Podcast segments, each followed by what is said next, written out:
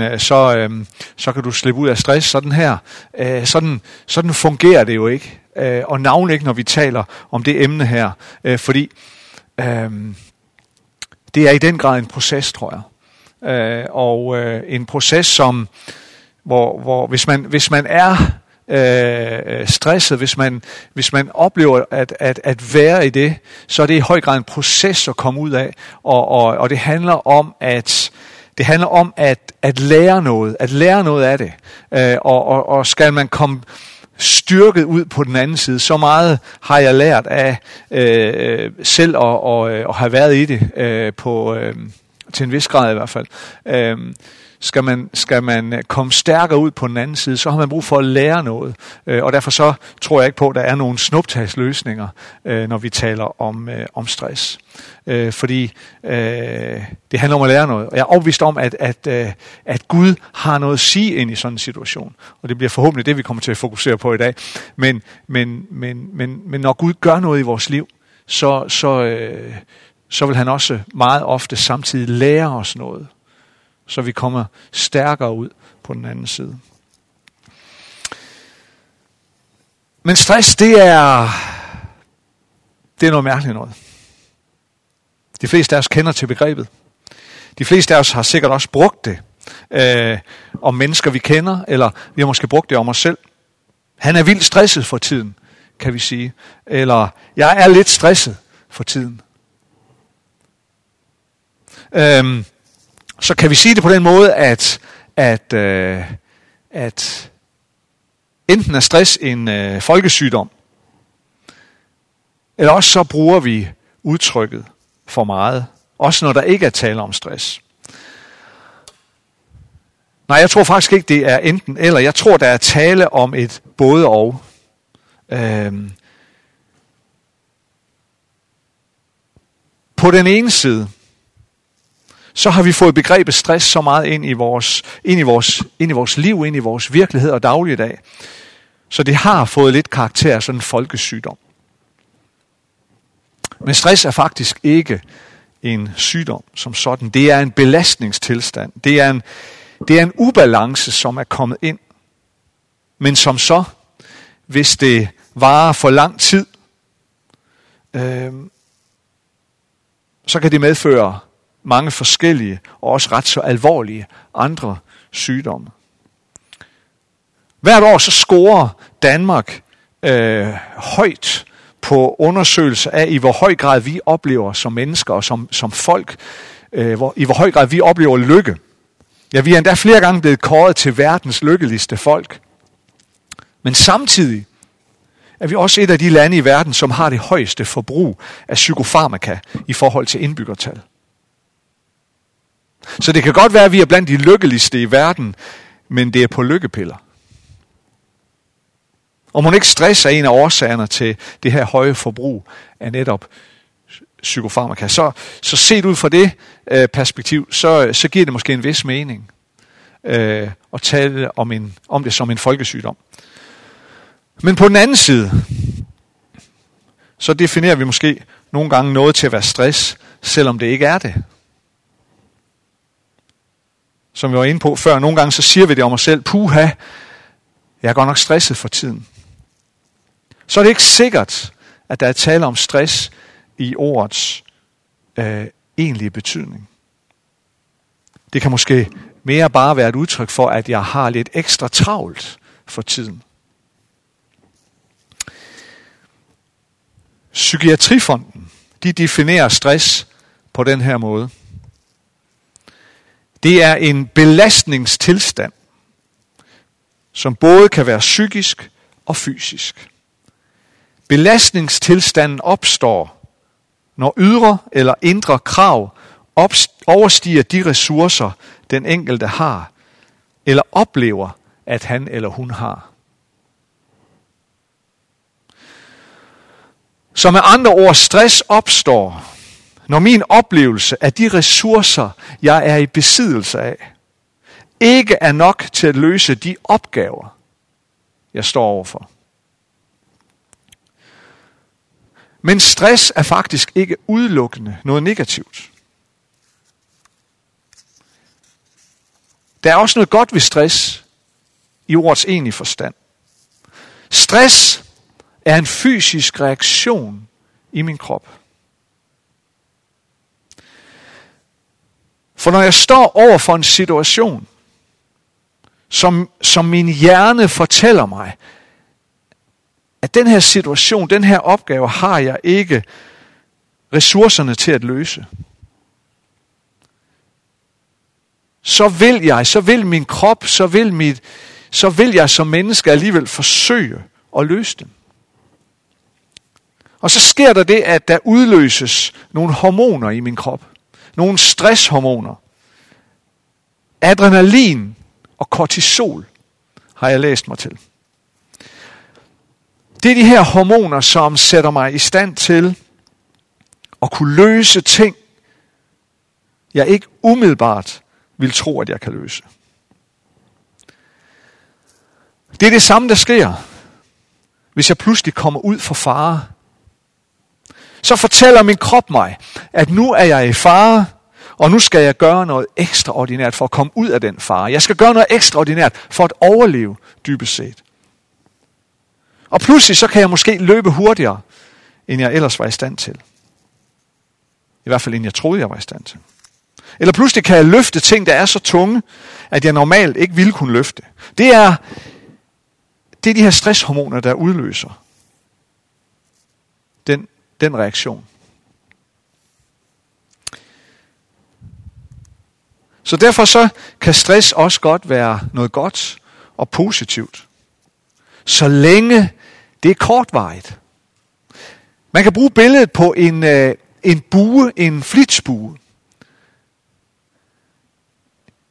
En bue, den er jo bygget til at kunne klare stor spænding i kort tid. Træet er spændt op, og snoren er med til at spænde op, og snoren er stram, men den er bygget sådan, at den kan blive endnu strammere, den kan, den kan blive trukket ud, således at den kan sende pilen afsted med stor kraft.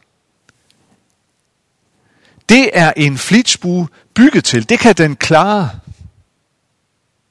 Men hvis vi nu forestiller os, at den her bue bliver ved med at være spændt, man bliver ved med at holde snoren helt derude, lad os sige i dagevis, eller ugevis, eller måneder, for nu forestiller os det, det kan buen ikke holde til.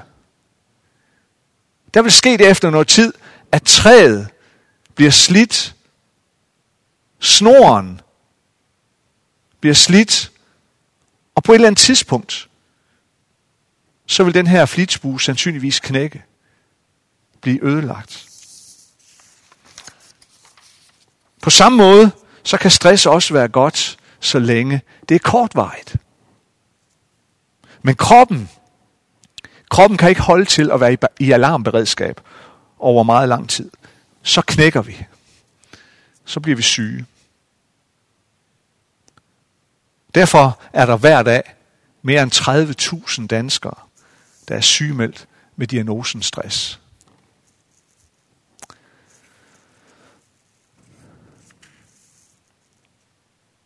Travlhed og stress er ikke nødvendigvis noget, der går hånd i hånd. Sådan behøver det ikke være. Man kan have enormt travlt, uden at opleve at blive stresset.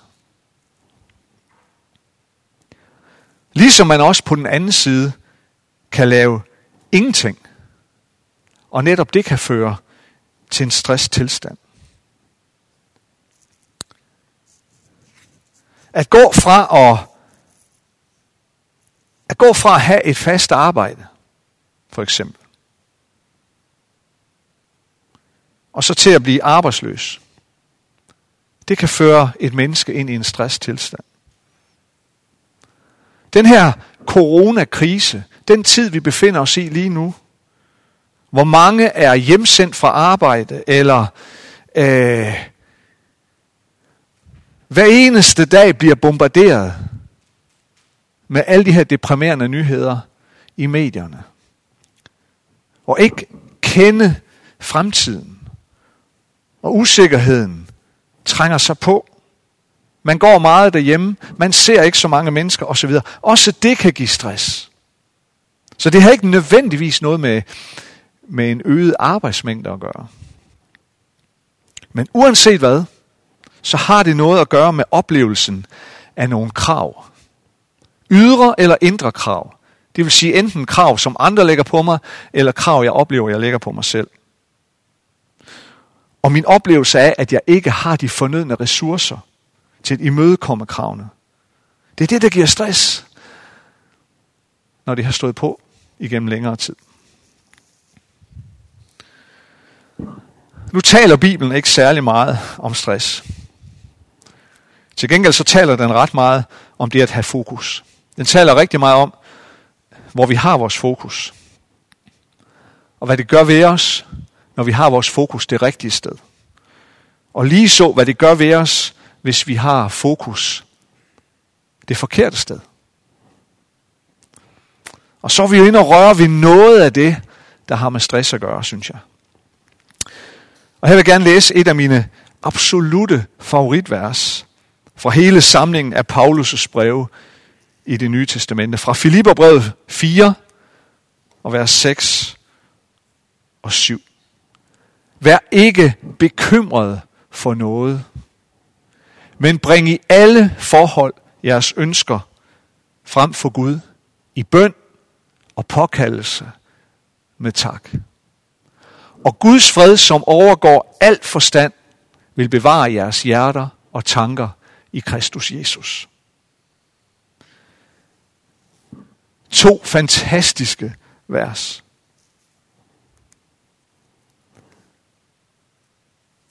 Hvis vi ser på det første vers, så handler det jo rigtig meget om, hvor vi har vores fokus. Har jeg mit fokus rettet mod bekymringer? Alt det, jeg ikke kan løse? Eller er det rettet mod Gud? Er mit fokus rettet imod mine egne ressourcer, som kan opleves få, fattige og små? Eller er det rettet mod Guds uendelige og ubegrænsede ressourcer? Er mit fokus rettet mod det, jeg kan, eller navnlig ikke kan? Eller er det rettet mod Gud og alt det, han kan?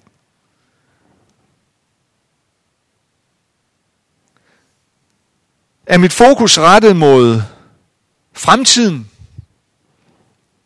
dagen i morgen, og hvad der skal ske der? Er mit fokus rettet mod alt det, jeg ikke kender, alt det, der er uvist, alt det, der befinder sig bag en dør, som endnu ikke er åbnet? Eller er mit fokus rettet mod Gud?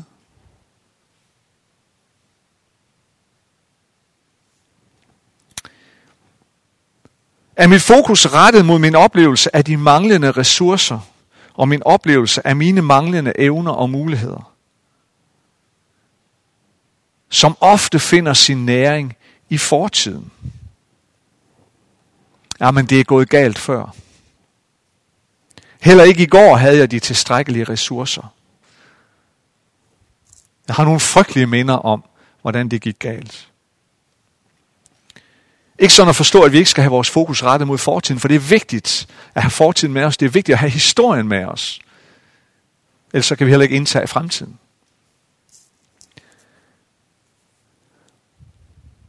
Men vi skal bare tænke på, hvor har vi vores fokus? Hvor har jeg mit fokus? Eller er mit fokus rettet mod Guds fremtid? Mod fremtiden, som Gud ser den? Paulus han siger det sådan, men bring i alle forhold jeres ønsker frem for Gud. I bøn og påkaldelse med tak. Bøn, det handler jo et stykke af vejen i hvert fald om fremtiden. Jeg bringer mine ønsker frem for Gud, for at han skal gribe ind med sine ressourcer. Det er ikke nødvendigvis noget, der sker lige her og nu. Resultatet ser jeg nødvendigvis ikke lige her og nu. Som jeg var inde på i starten, det er ofte en proces. Men jeg investerer i fremtiden med bøn. Med min tro på Guds umættelige, Guds ubegrænsede ressourcer, så beder jeg. Og dermed så investerer jeg i fremtiden. Jeg investerer i, at jeg i tro på Guds ubegrænsede ressourcer er på vej hen imod dem. For at tage imod dem.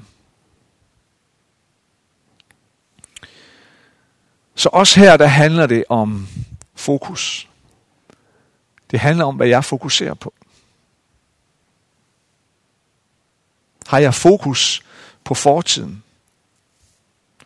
Alle mine fejltagelser? Og min historie om alle de gange, jeg kommer til kort? Al min erindring om alle de gange, hvor jeg ikke har magtet at løse opgaverne. Fordi jeg er kommet til kort i min, i min søgen i mig selv, efter de ressourcer, jeg mener, der skal til for at løse opgaven. Eller har jeg fokus på fremtiden? Vil jeg bruge troen og bønden til Gud på fremtiden? Vil jeg investere i, at Gud skal være en mere aktiv del af mit liv og min fremtid? Hvor han kommer mere til fadet, så at sige, i mit liv. Med sine ubegrænsede ressourcer. Hvad fokuserer jeg på? Vi siger det også nogle gange på den her måde. Det jeg, det jeg giver mad, det er det, der vokser. Det jeg fodrer, det er det, der vækster. Så hvor har jeg mit fokus? Hvad er det, jeg fodrer?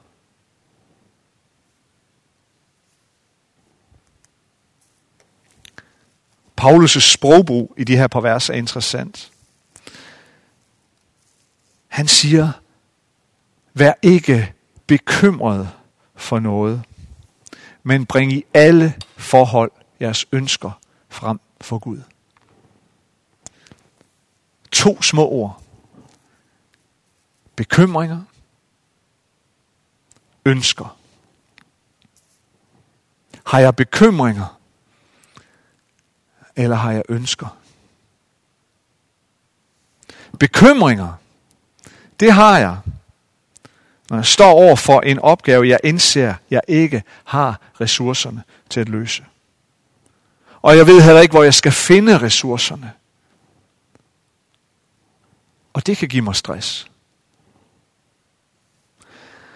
Men ønsker, det har jeg, når jeg ligeledes står over for en opgave, jeg ikke har ressourcerne til at løse.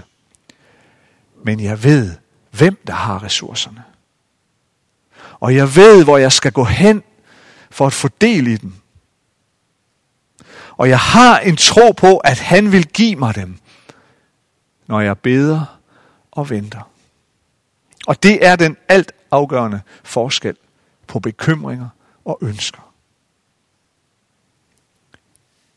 Det er den altafgørende forskel i den her kontekst, så vidt jeg forstår det, på hvad der er bekymringer og hvad der er vores ønsker. Bekymringerne, dem holder jeg for mig selv, hos mig selv, i mig selv. Bekymringerne, dem søger jeg at løse i mine egne ressourcer. Der leder jeg, jeg higer, jeg søger, jeg stræber efter at finde det i mig selv. Men i mine ønsker, dem går jeg til Gud med. Mine ønsker er dem, jeg lægger frem for ham. Esajas i det gamle testamente, han siger det på den her måde. De, der håber på Herren, får nye kræfter. De får vinger som ørne. De løber uden at blive trætte. De vandrer uden at udmattes. Jeg glemte desværre at få en slide på lige præcis den her tekst, så jeg læser den lige igen. Det er Esajas 40, vers 31. De, der håber på Herren, får nye kræfter.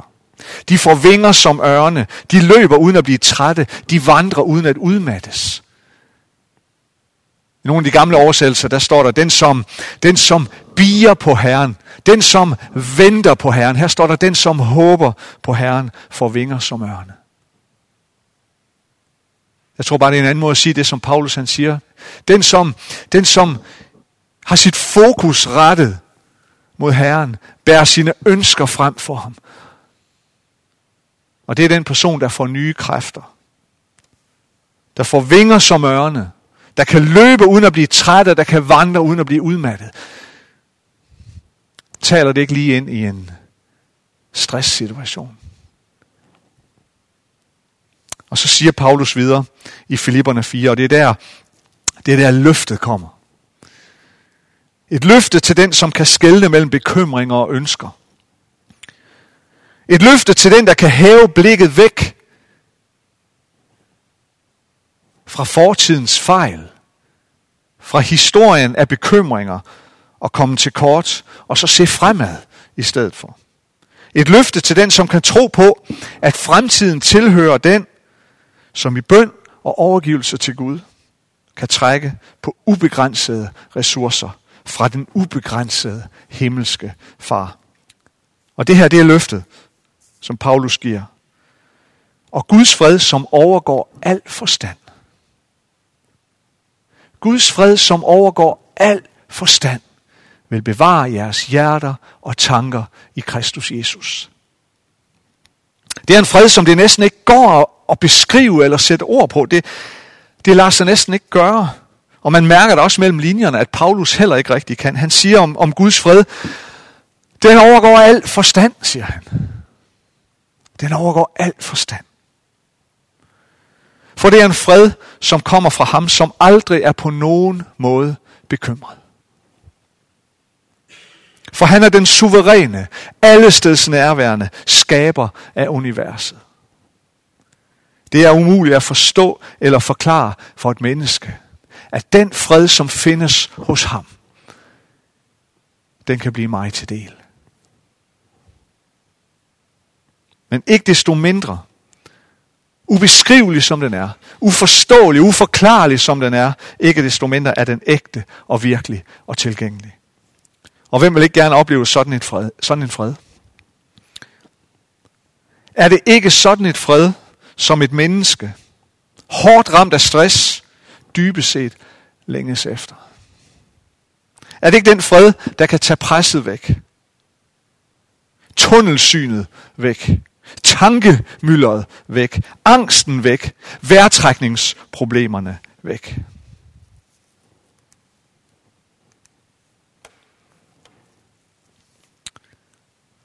Den bibelske respons på stress. Evangeliets respons på stress handler om afhængighed. Afhængighed af Gud. Når vi læser i vores Bibel helt fra starten, fra 1. Mosebog kapitel 3, der bliver vi mindet om livets barske vilkår. Om livets hårdhed. Fordi mennesket valgte uafhængighed frem for afhængighed af Gud, lige fra menneskets allerførste tid. Derfor så bliver resultatet, at med møje skal vi skaffe os føden, og i vort ansigt sved skal vi spise vort brød. Som der står. Så spørgsmålet er, om det ikke er her, roden til stress skal findes. For lige siden den tid, har menneskeheden kæmpet med at lære afhængighed af Gud. Og finde tilbage til den afhængighed af Gud, som vi egentlig er designet til.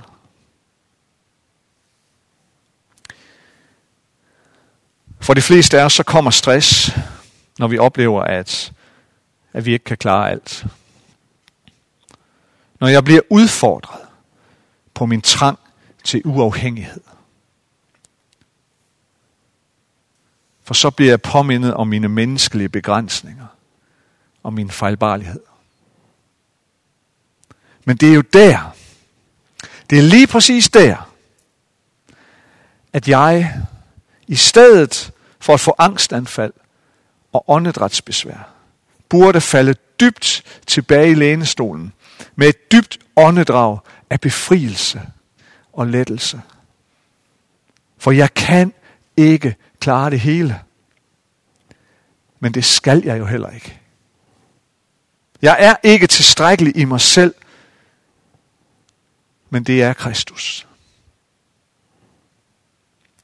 Hvis skaberen af hele universet elsker mig så højt, at han vil dø for mig på et kors, for at fjerne al min grimme uretfærdighed. Dø for at fjerne alt det, der fjerner mig fra ham. Alt det, der fremmedgør mig over for ham. Alt det, der fremmedgør mig over for andre mennesker. Alt det, der fremmedgør mig over for mig selv. Hvis han vil dø for at tage alt det væk, så bekymrer han sig altså også om alle de byrder. Alt det pres, der dagligt truer med at tynge mig ned. Alt det, der dagligt truer med at tynge dig ned. Ham, som døde på et kors. Vil han ikke hjælpe dig med det? Jo, det er overbevist om, han vil. Måske er du en af dem, som er dybt ramt af det her med stress.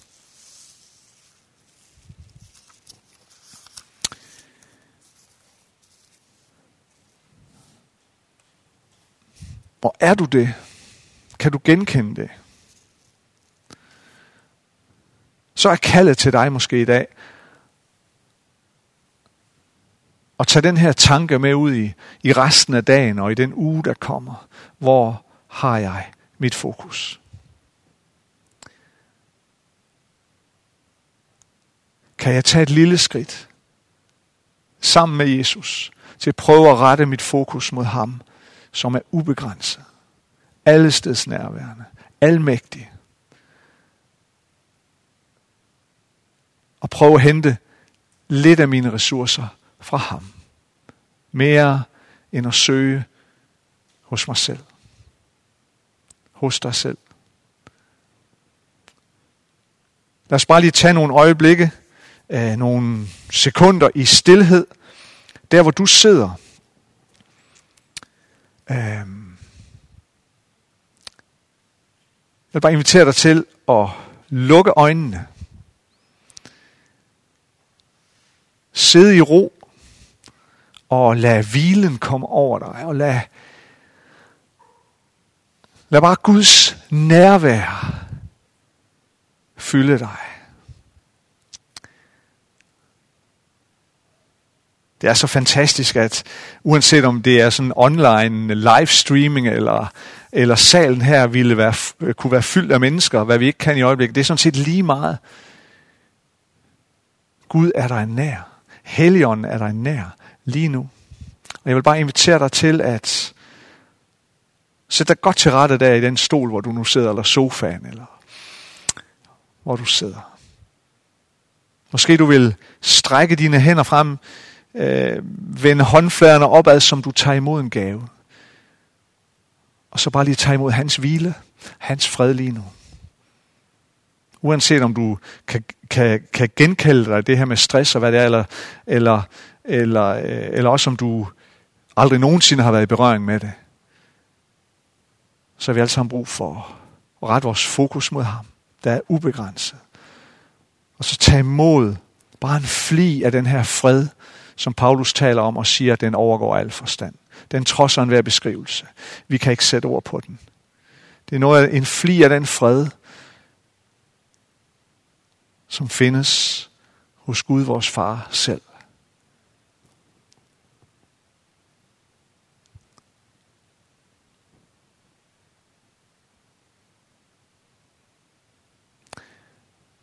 Far, fyld os med et fli af den her fred.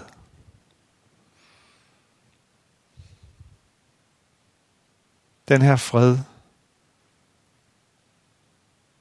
som overgår enhver forstand. Den her fred, som hjælper os til, at vi bare må åbne vores øjne en smule mere for for dig, for dine ressourcer.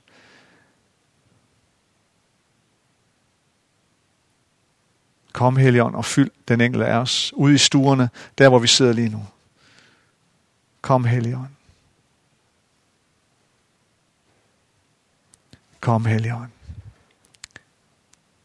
I Jesu navn. Amen.